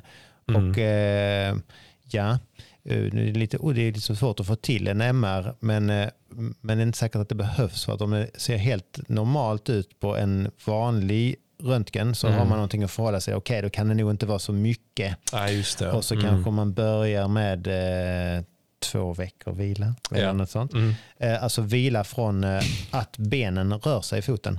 Ja. Så då ska du ha ju hårda stadiga skor. Eh, som, Mm. som, och så tänk dig att de här mellanfotsbenen inte ska böjas. Eh, Ja, ja, okej. Så Ja, jag allting som Ja. trampar Mm. är dåligt. Ja. Så det är ju då en träningsform som man alltid kan träna hur hårt som helst. Hur skadad man än är. Alltså nu, Alltså- nu är mina öron jävligt stora kan jag säga Henrik. För det, det här var liksom följdfrågan var det att vad, eh, dels här, vad skulle jag Ja. kunna träna? Mm. Och den andra frågan är, alltså det, det här har jag lite lätt, jag har lite lättare rent personligen med att motivera mig. Jag vet ju Mm. om så, okej jag ställer in mig på x antal veckor, jag kör alternativ träning. Ja. Som du säger, när det är en så förhållandevis begränsat kort Mm. tid så vet man om att gör jag detta ordentligt nu så finns det fortfarande en sommar och en höst Absolut, att kunna ja. köra. Liksom. Men då är, vad är då träningsformen, formerna du tycker är bra då? Eller som Nej man, men eh, eh, vattenlöpning. ja. Vattenlöpning is the shit. Eh, Som varför? Gillar detta. Jag, jag, Jo, jag men det är för att, eh, Mm. Ja, Det är för att vattenlöpning, det blir ju ingen belastning på, på något ställe i kroppen Mm. och man gör löprörelsen och hjärtat jobbar och pumpar. Mm. Så det liknar väldigt mycket egentligen löprörelsen och du får, eh, man, kroppen jobbar på Mm. ett väldigt liknande sätt. Men helt utan att det drar i din stressfraktur. Men du, för alla Alltså, som lyssnar också. Trappträning borde vara det sämsta du kan göra ju. Ja, men, ja, ja, Ja, det kan kan hända det. Bara, jag blev också lite så. Jag kan gå upp till 10 000 steg. Men du, eh, bara eh, med vattenlöpning, alltså för de som lyssnar. Då har man en liten ring eller någonting. För jag har ju sett bilder Ja. när du har eh, kört det ju liksom. Ja, nej men, eh, det finns ju lite olika modeller. I princip så går det bra om man, om man är på ett badhus och så hittar man en sån här, en sån här lång korv, sån här skumgummikorv. Mm, just det, ja. det kan man ha eh, liksom runt midjan. Ja. Eh, eller så kan man låna om man har något barn som har någon sån här flytboj på ryggen. just det, ja. Eh, Det funkar bra med en våtdräkt om man är i, i havet. En våtdräkt, det räcker faktiskt med våtdräktens eh, Mm. buoyancy för Ja. att man ska flyta när man är upprätt, stå, alltså står Mm. uppe och vevar. Om Så man, gör man och sen så bara, löparrörelser sen då, bara liksom. rör det sig som om du eh, springer och då paddlar man liksom sakta fram. Ja, Och hastigheten framåt är ju högst sekundär. Ja. Eh, för den är väldigt långsam. Eh, men faktum är att jag springer om ganska många gamla tanter på som, som simmar sitt snabbaste. Så det är ändå... Det är ändå Bara, vi ses i mål. Berta. just Det att hitta sätt att motivera sig Simon. Okej, så vatt, vattenlöpning, Vattenlöpning är är ju tips. eh, Mm. mycket bra och det allra bästa är om man kan ha vattenlöpning med någon, någon kompis. Mm. För att vattenlöpning ensam kan vara fruktansvärt tråkigt. Ja, Det, det är, Fredrik. som ni kan Fredrik. tänka er, liksom man färdas långsamt. så här, Jag, jag kan så. kråla sidan om. Ja, Men- springa om dig. Eh, jag skaffade mig faktiskt par vattentäta hörlurar, sådana, eh, sådana här Åh, bluetooth-lurar fan. Ja. så jag kunde lyssna på podd. Ah. Mycket bra tips. Eh, Mycket bra eh, tips. kan man göra. Ja. Mycket bra idé. Eh, Mm. För då går tiden fort. Och eh, man paddlar där eh, och sen så efter alltså 40 minuter är liksom, då är, där är liksom, klarar du 40 minuter så får man gå upp sen. Då är det, då är det en guldstjärna Ja, där absolut, liksom. ja. Det är svårt att köra längre om man kör själv. Kör man kvalitetspass och sånt eller? det kan du tro gånger man kan göra. och- Det känns som att du Henrik har liksom Oj, utforskat oj, oj. det här då. Nej, men eh, jag har en, en fantastisk kompis, eh, Daniel Ekman. Han är Lunds löparnestor. Ja, just det. Han har vunnit eh, Lundaloppet och är en för detta 31-löpare. Nej, 30-59 löpare. Förlåt. Det är inte viktigt. Eh, För det är Ekmans löpare, heter den Ekmans liksom, löpare. löpargruppen jag hört talas om. Ja. Exakt, Mm, ja. Så Ekmans eh, löpare i Lund är en, en Facebookgrupp eh, som har funnits jättelänge sedan Mm. Ekman var ung och eh, aktiv elitlöpare. Eh, löpare. Mm. och, eh, nej, men det är en story om Ekman är ju att han ett Lundalopp eh, då sprang sitt personliga rekord på just Lundaloppet. Mm. Eh, efter en skadeperiod och han, hade de sex veckorna, föregående veckorna innan loppet då bara kört vattenlöpning varje dag. Och han körde, Det här gillar jag. Nu börjar jag liksom vakna Ja, till liv känner Precis, jag. ja. Ja. Så att, eh, och han sprang ju på 31 och 16, förlåt 13 tror jag det var. Eh, Shit, och då hade bra. han bara varit i en bassäng och inte sprungit en meter. Eh, Jäklar. så att eh, uppenbarligen så går det att eh, träna löpning. Sen Mm. så sa han att han kunde ju inte röra sig efter för att hans, hans muskler hade inte fått någon, någon stöta på det Nej, sättet okej, okej. på så Ja. länge. Men uppenbarligen så hade hans hjärta och lungkapacitet, Mm. eh, de, var ju ja, jätte, Mm. jättebra. Så att eh, vattenlöpning är, det funkar vid väldigt många, om man inte bara ska Mm. prata om din skada, så är det väldigt bra Mm. vid väldigt många olika skador. Sen, eh, sen är det om du, skulle, om du har en, stab, en stabil sula i Mm. din sko, eh, eller en eh, träna i en trätolla till exempel, ja. så, så rör ju sig inte skelettdelarna i foten. Nej, Så det, det är svårt att springa i en toffla men du skulle kanske kunna köra cykel. Ja, just det. Eh, ja, för man ändå, jag. ja, just det. Eh. Allting där liksom inte själva eh, fotbladet böjer sig. Så, eh, så det går nog att hitta på saker att göra. Men det Ja. beror lite grann på hur illa det ser ut på röntgen också. Ja, ja såklart. För är det liksom riktigt trasigt då kan det till och med behövas gips. Ja. Okej, men det behöver vi kanske Ja. inte gå in på. eh, Nej, de, det, vi, det hoppas vi, nu stänger vi öronen ganska snabbt här. Men, men då, då tänker du liksom att det första är röntgen?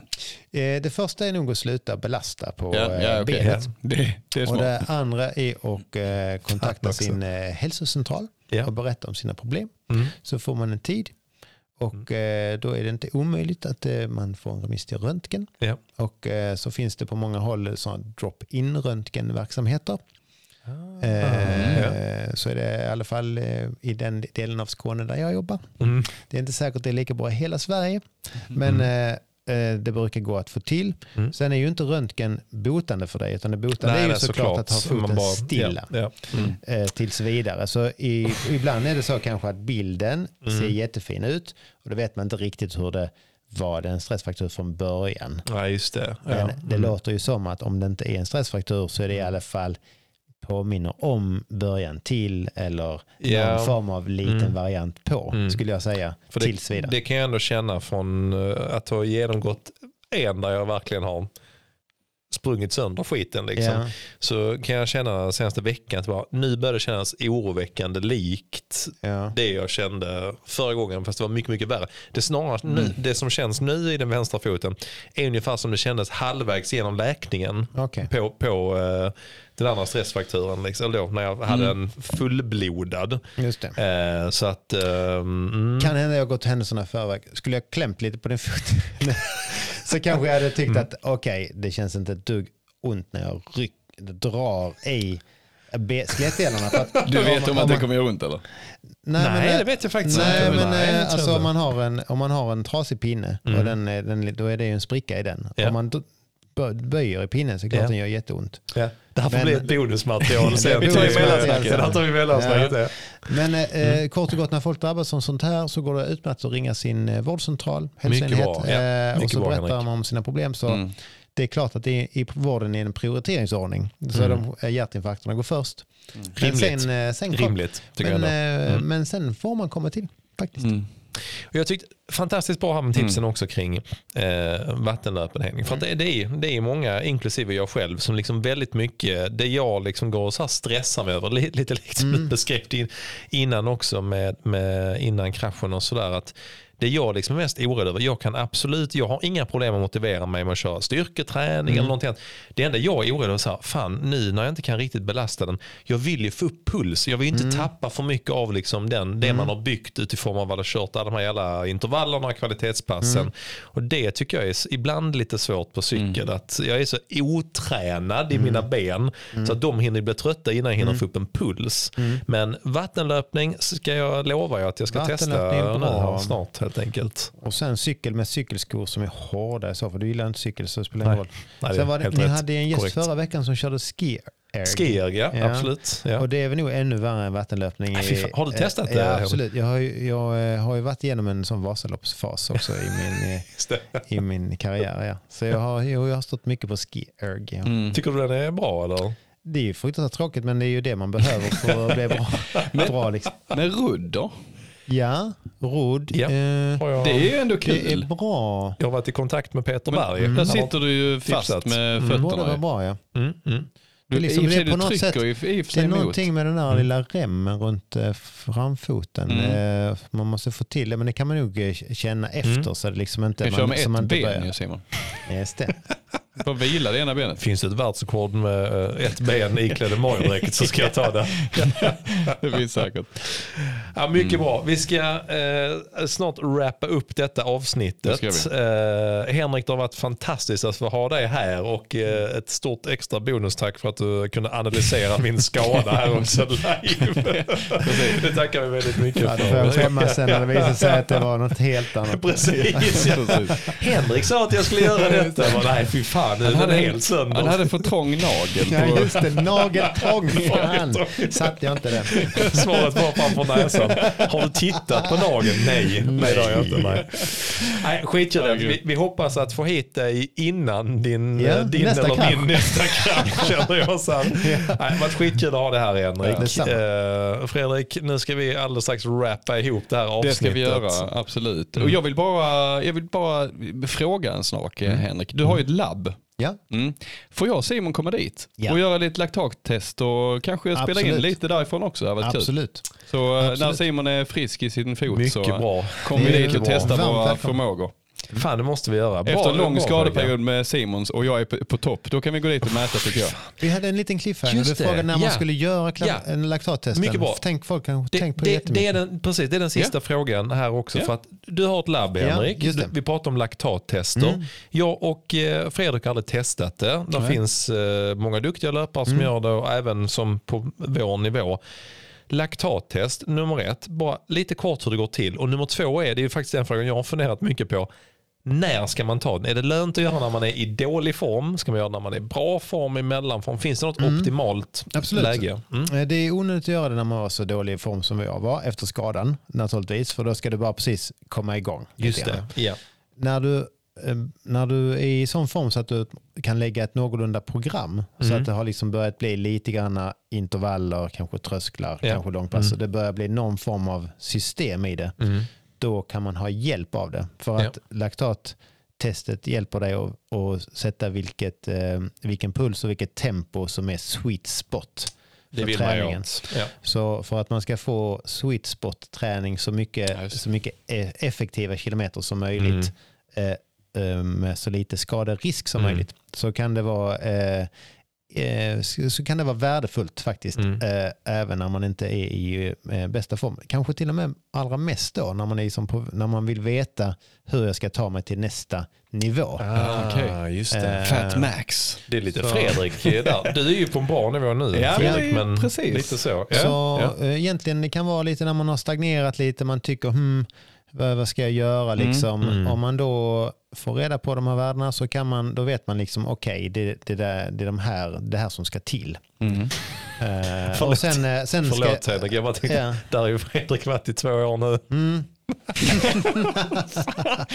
Jag har vetat vad som ska till men jag har inte gjort det med det.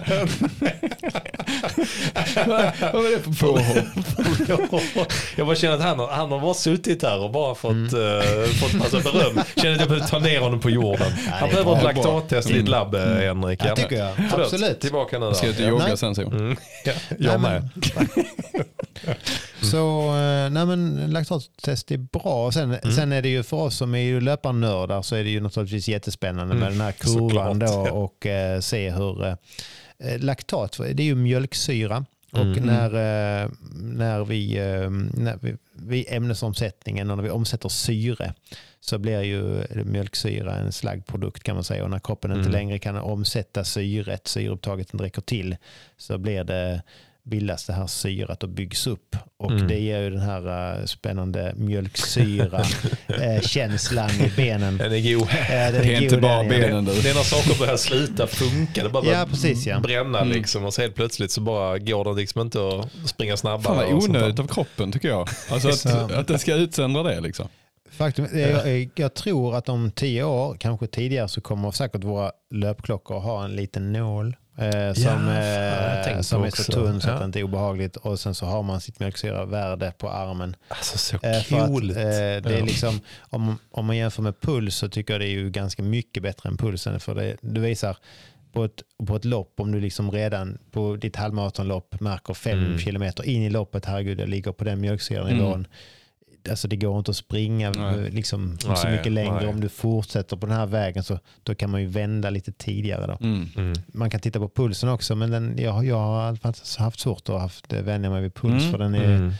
Den rimmar inte Den riktigt. rimmar inte Nej. riktigt och är olika vid tävlingarna, alltid Mm. högre. Och liksom. Mm. Men mjölksyravärdet är mera eh, exakt. Mm. Hur görs ett sånt här eh, test lite kort Henrik? Jo, eh, det finns ju olika modeller. Men eh, många av de ledande stora eh, Mm. företagen i Sverige som gör eh, laktattester gör på det här sättet att man eh, springer på ett löpband för det är praktiskt enklast Mm. för att man behöver ta testet genom att sticka, ta en liten nål, sticka i fingret, ta en droppe blod. Mm. I typfallet så springer man då i en, börjar man springa i en fart som är en, bi, i så, en bit under lite lägre fart än eh, där man tror att din tröskel är. Mm. Så låt säga att eh, du Simon tänker att din halvmaratontempo är ungefär 15 km timmen. Mm. Så, Fyra minuters fart eh, då, ja. Mm. Ja, Mm. så eh, kanske man börjar springa i fyra och du värmer upp ordentligt, väldigt Mm. viktigt, så att liksom produktionen av igång börjar, liksom bli. Ja. eh, börjar bli på en stabil nivå. Och sen så börjar du springa kanske i eh, säg 14 km i timmen. Mm. Och sen så tar du laktatvärde, märker man att det händer ingenting, ligger på under 2,0 millimol. Mm. Eh, det är ett tecken på att det är liksom en balans. Kroppen lyckas eh, göra sig av med laktat i samma det, takt ja, som det ja. Mm. Och det, det är den där sköna känslan eh, som vi har på en jogg, det vill säga man blir inte stummare och stummare. Man känner det här skulle man kunna hålla på med hur länge som ja, helst. just det. Eh, Och sen eh, ökar man farten och då börjar komma till den där lilla känslan. Hmm, den här känslan det här skulle jag nog inte vilja hålla på med så länge. Det känner vi igen. Ja, det känner vi igen. och då, då börjar man närma sig kanske tre i mjölksyra. Ja. Jag kallar det Och maraton. Kallar det. Exakt. Och sen när man känner att det här är rätt så fruktansvärt men jag kan nog stå ut en timme. Då är man Ja. uppe i ungefär fyra, fem. Mm. Och sen så när man börjar känna att okej, jag kan tänka mig den här intervallen ut, de här två Just minuterna. Ja. Men Mm. sen så är jag, tror jag jag går hem. Ja. Då, då är det uppe där på 6-7 eh. Ja. Eh, och sen så när man är som, som våra fantastiska meddistansare som, som eh, det sprutar laktat ur öronen. De, Ja. de, de, är ett otroligt, de kan ha liksom 13, 14, sådär.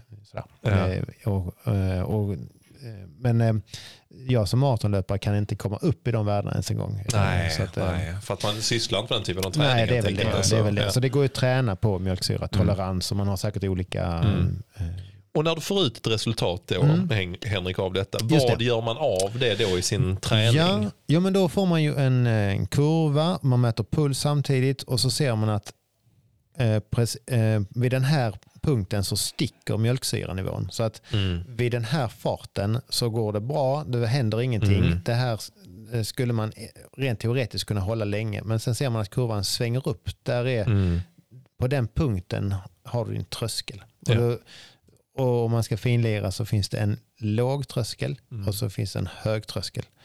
Eh, eh, och den ena är när det börjar svänga upp och den andra är när det går spikrakt upp. Eh, Man har upplevt båda två. Ja, just det. Eh, och eh, men mellan de här två punkterna, där är sweet spot ska Ja, man säga. Så att, eh, och väldigt mycket, man får ut väldigt mycket effekt av träning där. Ja. I många klubbar så driver man väldigt mycket träning när man är lite för, lite för hårt kan jag tycka Ja, alltså att man springer, Mm. man springer en minut där eller 45 sekunder eller så Mm. På väldigt hög nivå. Och där har, det finns olika teorier kring löpning ju.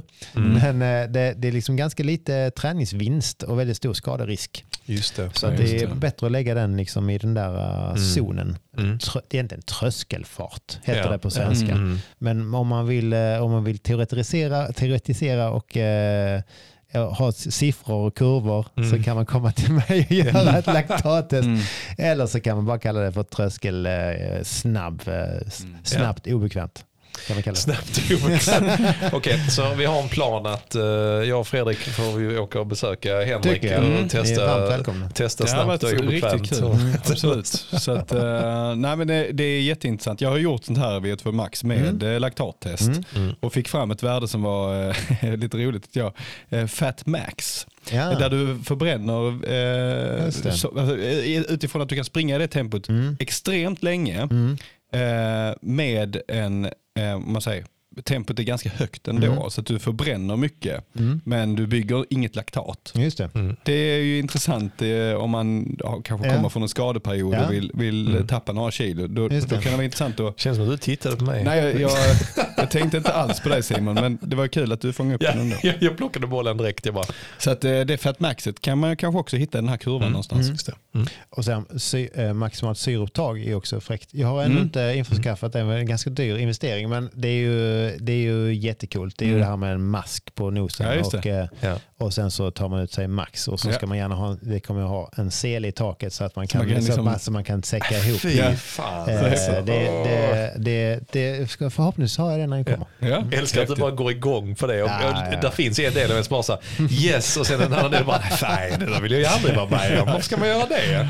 Men Ja, man vill men det har ändå. vi gjort båda två. Ja, det har Mm. vi. Det är inte kul. Jag I början det, känns det skönt, men Jag sen så är det en hittade- lutning på hur många procent som Jag helst. hittade en bild på förra gången jag var på väg tillbaka och ikapp dig Mm. på något pass vi körde runt äppelodlingarna. Där jag bara ligger i Ja, gräsrännan sen efteråt och bara ligger. Jag, Ja, jag, kul är det i alla jag, fall. längtar till de passen Simon. Ja, det gör vi. Ja, men Ja, ni är välkomna. Ja, roligt Henrik. Eh, Stort tack för att vi fick ha lite här. och Både prata om dina upplevelser men också lite grann med comeback-tankarna och hur man kan ha lite perspektiv på träningen och även vad jag ska göra med min fot. Grymt. Vi, vi får väl ha dig typ var 50 avsnitt. Tycker jag. Så uh, får du liksom komma tillbaka och berätta vad du har byggt Efter och nästa skada förändrat kan- Ja, livet. precis. Det är. Underbart. Mm. Stort tack. Tack så mycket Tack, Henrik. tack.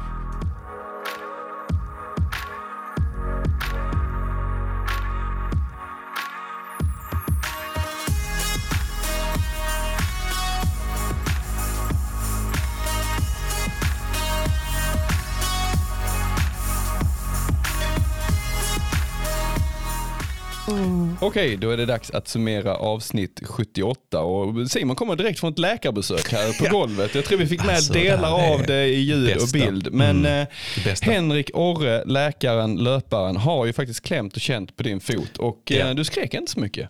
Alltså jag, vi har pratat om att vi vill använda podden till att få saker gratis. Jag fick alltså en gratis läkarundersökning på, det? på jourtid Fredrik, av en löpare. Alltså det, är, mm, Förstår- det kan förstår bli dyrt också för oss. Det- ja, ja, alltså jag, jag, han sa ju på skoj, sen kommer fakturan, hehe. Jag vet ju inte om han skämtar eller vad Nej, men en läkare skämtar aldrig. Nej, det är sant. Det är faktiskt sant, så. Mm. har man lärt sig. Nej, så att jag, jag fick ju faktiskt, och han sa, nu ångrar jag min diagnostisering. Men han, han eh, direkt efter vissa steg, han bara, men du, lägg dig nu ner. Och så, så la jag mig ner Mm. på golvet. Så tryckte han rejält på min fot på flera ställen och konstaterade nog ganska fort, nej, men vet du vad, jag ångrar mig. Det här är nog ingen eh, stressfaktor. Och det kände Nej. jag själv också när han klämde att här hade jag, jag vet hur det kändes förra gången och det hade gjort svinont. Man får det ge honom det att det var kanske inte ett traditionellt läkarbesök han gjorde från början. Så att eh, då brukar man kanske Det lite titta på foten. Du satt ju liksom bara och berättade med dina egna ord att ja. Men jag vill springa imorgon så att jag har nog inte så ont. Men är det någonting vi har lärt oss av mig är att lita för fan aldrig på mina ord. Det har vi ju lärt oss. Det- här. det har många det är bara lögner som kommer ur den här smutsiga munnen. Men du, där kommer det. ut lite annat eh, smått och gott från din mun också. Det kanske det. är lite om Lite vet jag. planeringen eh, framåt. Vi pratade lite om det mellansnacket här och eh, vi har en sjukt intressant gäst nästa vecka. Mycket spännande. Det är ju den, eh, om vi rankar eh, löparkändisarna i Sverige så är Fredrik på en starkt andra plats. stark andra plats. Men det finns en som ligger snäppet över och det är faktiskt Josefin Svärm. Det det. som kommer att eh, gästa på distans nästa vecka. Och, eh, hon är ju känd av hela svenska löparfolket tänkte jag säga.